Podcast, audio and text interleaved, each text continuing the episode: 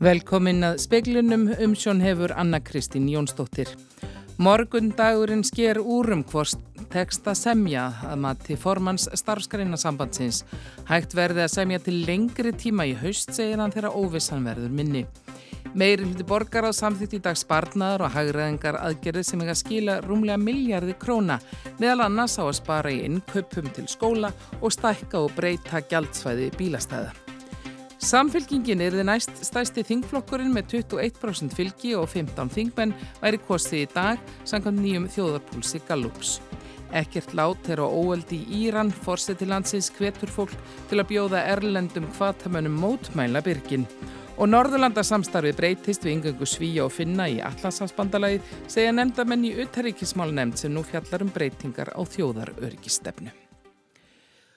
Prósentu hækkanir eru aflgjafi miskiptingar, segir formaður starfskrænasambandsins. Lálauna fólk verði að fá krónutölu hækkanir og launaliðurinn sé aðalmálið í skamtíma samningum. En samningafundum var frestað um hádegi í dag til morguns dag liggur fyrir og hefur leiði fyrir lengi að láta ekki fólk á í erfileikum með að framflita sig frá mánuði til mánuðar og halda mannlega reist. Þess vegna skiptir það óbóslega miklu máli að okkur takist að koma launahækunum til fólksins. Ég held að fólk megi ekki býða í 1, 2, 3 mánuði eftir slíkri hækun. Það er mat okkar í stafskunarsambandinu og þess vegna leggjum okkur í líma við það að reyna að klára þetta.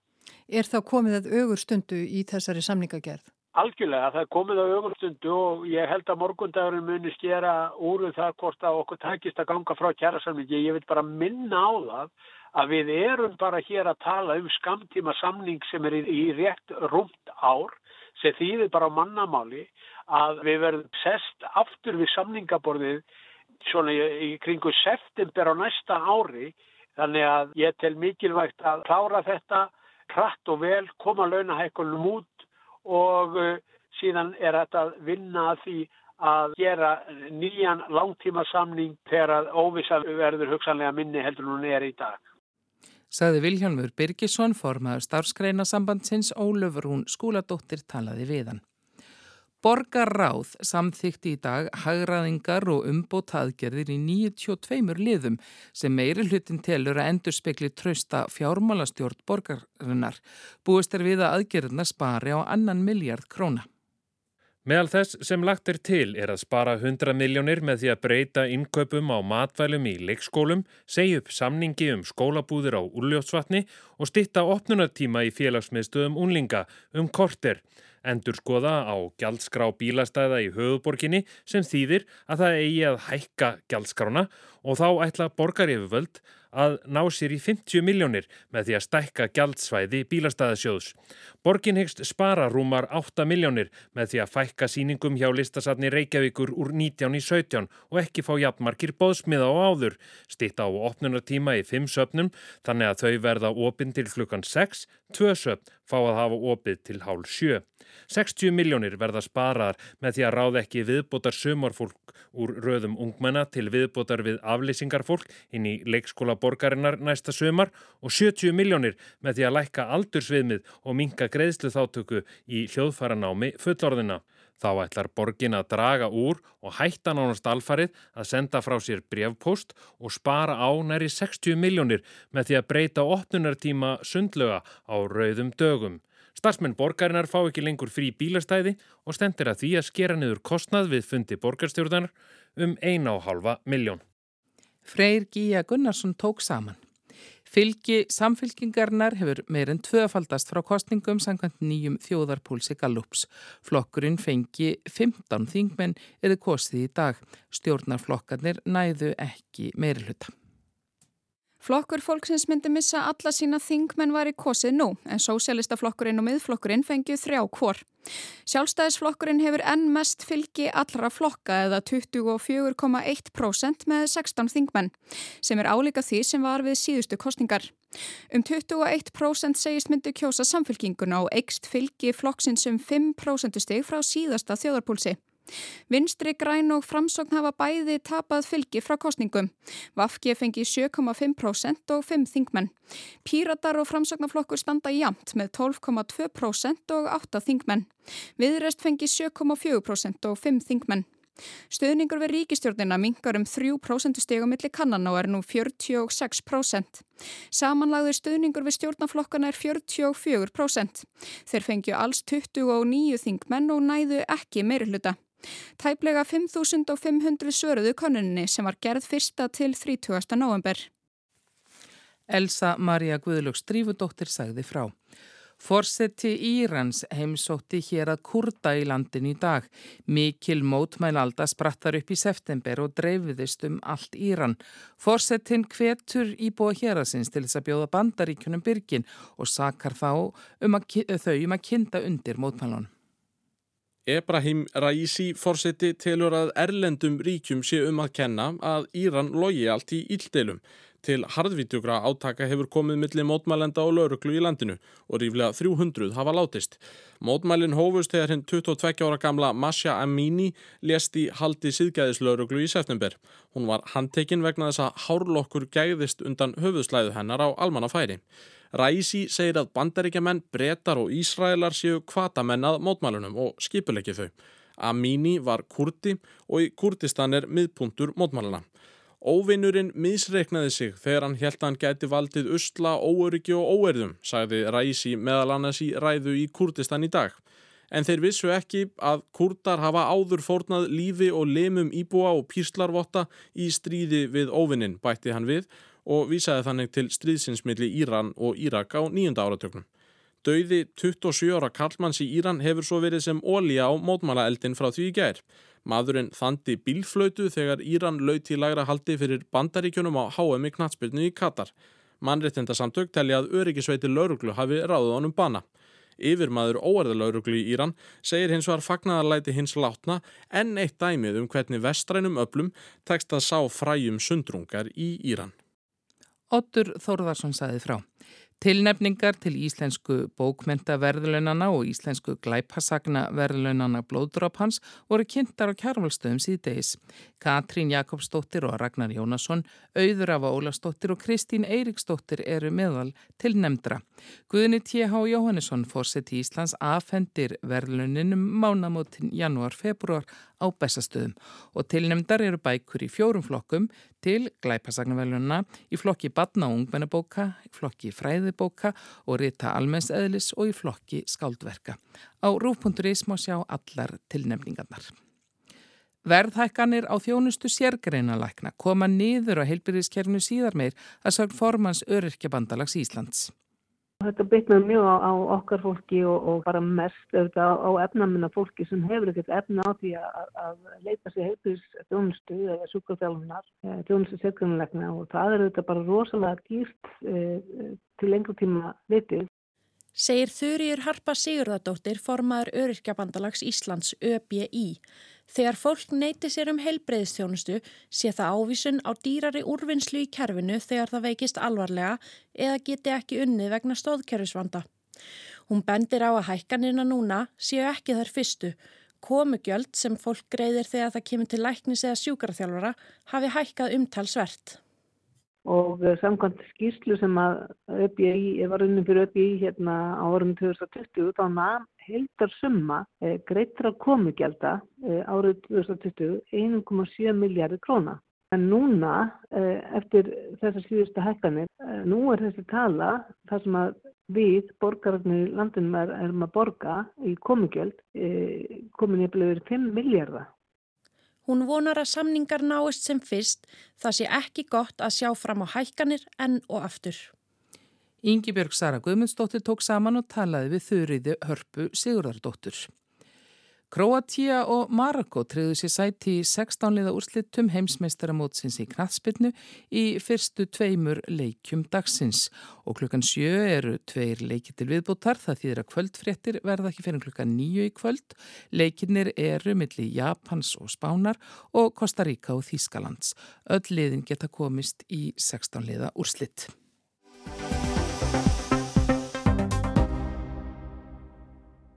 Katrín Jakobsdóttir fórsættisráþra mælti nýlega fyrir breytingum á þjóðar öryggi stefnu. Það er til lögur eru nú til umfjöllunar í utaríkismála nefnd. Katrín vekaði í ræðu og alþingja leggja eitt aukna áherslu á líðræðislegt stjórnarfar, stefnum þjóðaröryggi sem tryggði sjálfstæði fullveldi líðræðislegt stjórnarfar og friðhelgi landamæri Íslands, öryggi borgarna og vernd stjórnkerfis og mikilvægra innviða samfélagsins. Þar er mikið undir.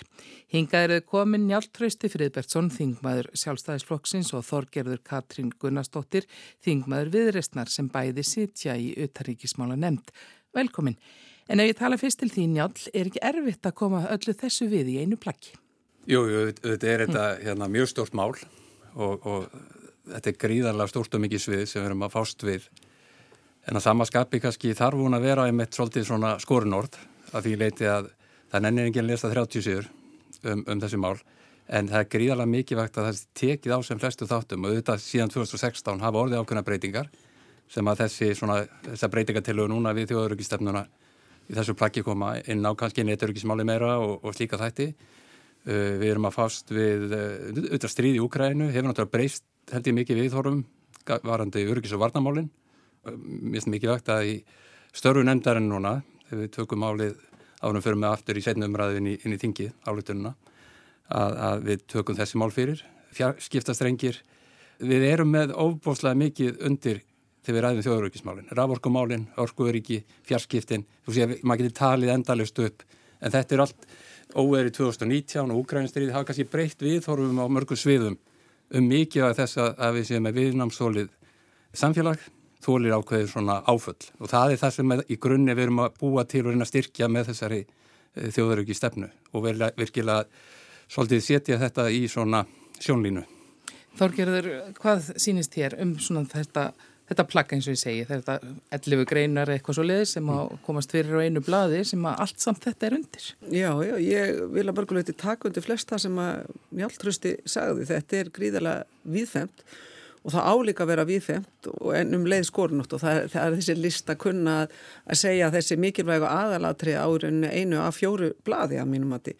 Stóramálið er að þetta snýst um öryggi borgarna, öryggi okkar samfélags, öryggi þess að við getum haldið áfram að kalla okkur þjóð og verið land. Þannig að, að það eru fjölþættari og fjölbreyttari þættir sem við þurfum að huga að heldur en áður en um leiðmáða heldur ekki vera þannig og það er það sem að hefur komið kannski mest og óvart við lestur þessara viðbútar frá frá fórsættisáttur á ríkistjóðnarinni er að mér finnst hún ekki vera að taka nægilega á þessum, þessum nýju ógnum. Mér finnst þetta að vera, ég ætla ekki að segja útþynd en, og það er kannski stóra verkefni líka nefndarinnar, að fara betur yfir þau verkefni sem við okkur blasa bæði náttúrulega fyrir 24. februar en líka ekki síður eftir 24. februar eftir þessa hörmölu og grófu áras rúsa inn í, í Úkrænu og Og mér finnst heldur ekki um leið að við tökum tvímanlast tillit til lofslagsvár, við tökum tillit til fjölþátt og ógna, tryggja samgöngur á landi og innviði, sæstrengi og allt þetta. Að þá megum við heldur ekki vera feimin að tala einfallega um öryggi og varnir.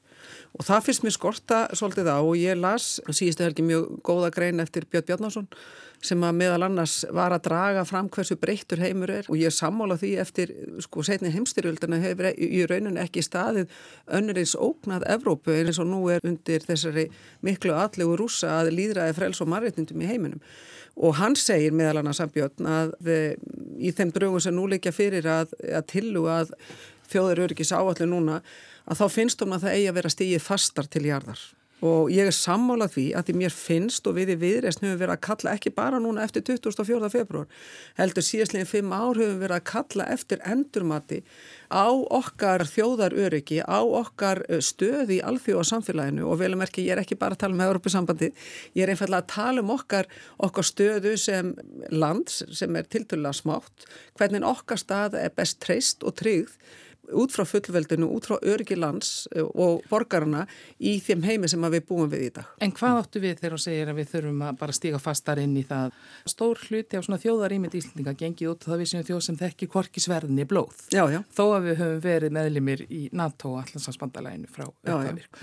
Já, já, ég er alveg sammála því að það er fyrir marga mjög erfitt og náttúrulega þess að heldur held ég meðal annars að, að samsetning ríkisjóðnar, þunnildi sem við erum að, þessi viðbót sem við erum að ræða núna í, í þinginu og ég hef marg undistrykka það að þá var eitt farsalista skref fyrir Ísland í alþjóðasamstarfunu og fyrir frið í heiminum, frið í Evrópu var það að verða strax stopnaðili að, að NATO, allarsasbandalægin og eiga strax frá upphafi 49 sæti við borði og það sæti við borði höfum við nýtt Íslandikar afa vel. Mm -hmm.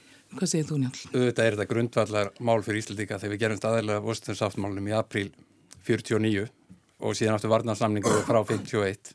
Þetta eru grundvallar bara hortsteinar í okkar varnarmálunum og auðvitað síðan samstarfið í Norðurlandin. Við höfum bara þakka fyrir það að við þurfum ekki að senda börnin okkar í stríð og ég, ég veist ekki sjálfgefið, tek þið aldrei þannig að við séum að hafa að aðra þjóði séu að verja okkur en við erum í þannig, búum á þeim geopolítiska stað að staðsynningi, landfræðilega íslenska staðsynningi er bara þannig, miðju allarsafinu mitt á milli Ameríku og Evrópu að hún er gríðarlega mikilvæg og ég held að mér sko til fæsti Íslandinga síðu í dag á því að það væri þá gæfulegt að við værum hérna ekki í þessum bandalegi, allarsbandaleginu með þessa stöðu uppi. Og ég held að líka við sjáum við skoðanakonum þessu ári hvað stuðningurum við NATO hefur vaksið gríðarlega mikið. Ég held að væri líka bara fróðlegt að kynnast við hórum finna, normanna, okkar norrannu vinnaþjóða til þessara mála. Og hvað þau á þólað eins og finnar í vetrastíðinu og hvað þetta er markað á og, og, og síðan auðvitað normennina í setni heimtiröldinni. Við þurfum að læra svolítið, kannski svolítið af nágrannþjóðum, hvernig við takast á þessi mál og hérna, heyra aðeins í þeim. Við Íslandikar kannski hefum verið svolítið búblu þá sérstaklega síðustu 10-20 árin, kannski sérstaklega eftir að hérim fyrr 2006 og nú erum við kannski aðeins að horfa, eh, sprengja búbluna og horfa aðeins á þetta í starra samingi og ég held að það sé nöysilegt fyrir íslenska þjóða að taka þá umræðu. Þorgir við nú að ykkar stjórnarsamstarfi mhm. sjálfstæðismanna með Vafgir sem að hafa náttúrulega frá upphæðist bara hluta stefnumflokks sem væri á móti hernaðabandalögum og, og mikil áhersla lögð á, á það þó að það hefði svo verið svona prjónað áfram í ykkar, ykkar samstarfi Hefur, verður það til þess að menn er að forðast að stíka fastar inn til dæmis núna við endurskoðun? Mér finnst allt í lagi sko að ræða alla hluti og hérna uh, ég held að, að fórsæðistráðara, Katrín Jakobsdóttir hafi bara tekið ágill á þessu á þessu ári í Erlendis og í svona samtölum því þjóðalegt og, í, í, í fréttum. Bjarni Jónsson fór með útæriksmála nefndar hefur líka bara staði pliktina ágillega finnst mér. Okkar saman hefur bara verið góð með þetta. Ég persónulega nú kannski vil ganga lengra en þetta er bara hluti af pólitíkinni.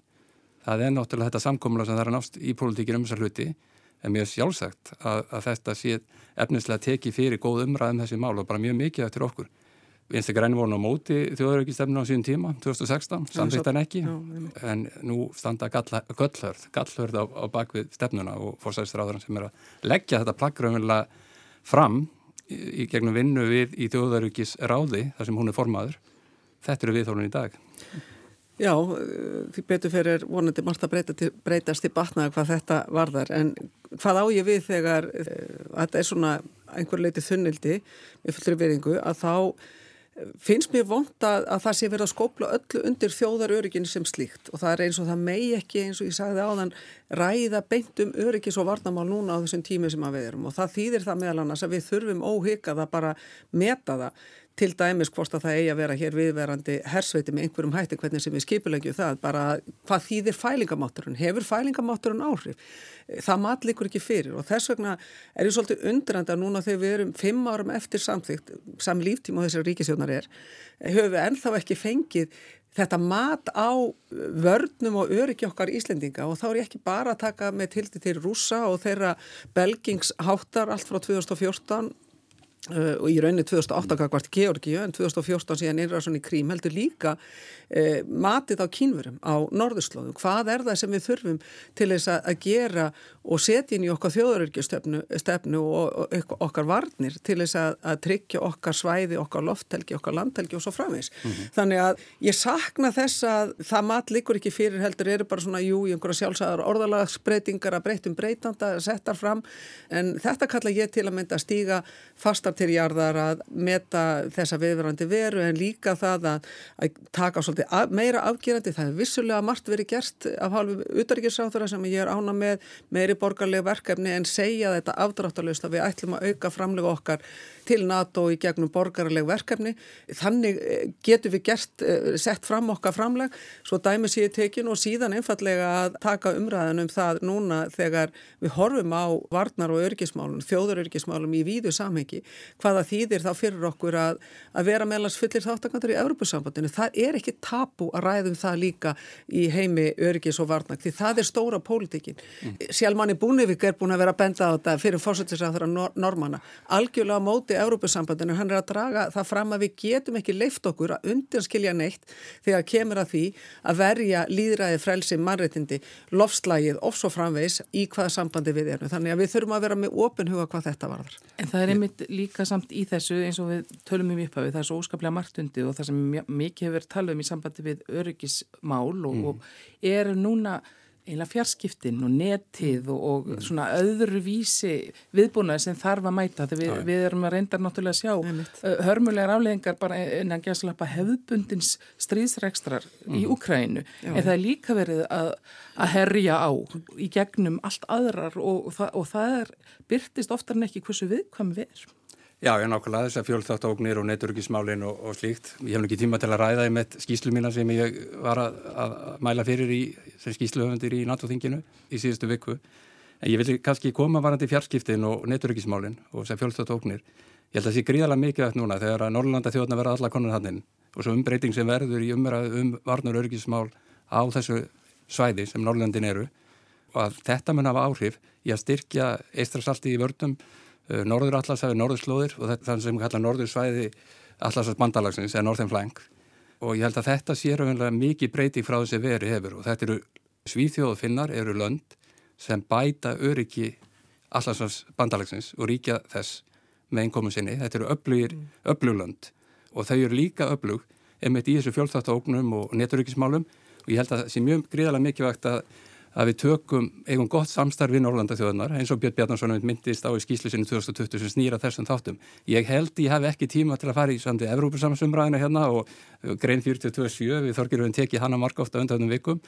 Norrlanda samstarfi núna, það flýst svolítið annað annars. En haldið, haldið, haldið það flist á annað, en haldið það þetta getur verið til þess að draga úr vægi þess. Það hefur náttúrulega alltaf snúist um og varnamálinn hafa verið svona undanskil. Nei, ég held að þetta munir stór St auka og bæta. Og stór efla, já, já Norrlanda samstarfi, ég held já. að það gerir það. Er, það er algjörlega tímalega löst þannig, sko, að með innkomi sví og, og finna að þá mun þetta vera enn neitt svona nikkur í því að ebla Norrlandastar samstarfið sem að mínum að þetta hefur elst núna á mm. undanfötum árum ég held að það sé mjög til, mjög til farsaldi. Ég er algjörlega samanlan í álið trösta varandi fjölþátt og varandi neturiki. Við megum hins vegar ekki verið að blinda á alls konar spurningar og svöð sem við þurfum að geta svara hverju sinn og það kom ég til dæmis og óvart þegar umræðan um söluna á mílu og við vorum ekki að móti því að það veri verið að selja þetta til erlendra fjárfesta eða hvaða er en það komir á óvart hver ríkistjóknin var berskjöldu kakvað spurningunum var þjóður ekki skætt hvaða spurningu var svara og hverjum ekki var svara og það var, eftir að sáum við það þegar þurft að breyta lögum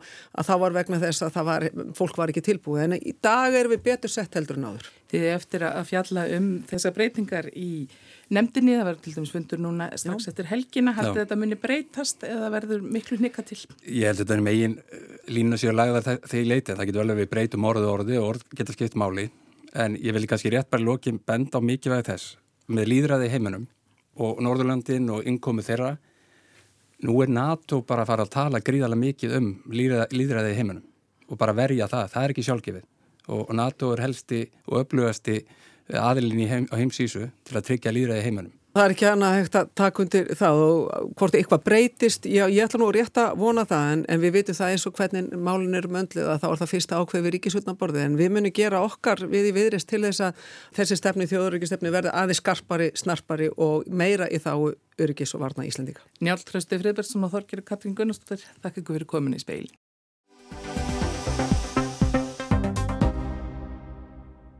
Ársyfirlit samræmingar skrifstofu mannúðarmála hjá samanuðu þjóðunum var byrt í dag.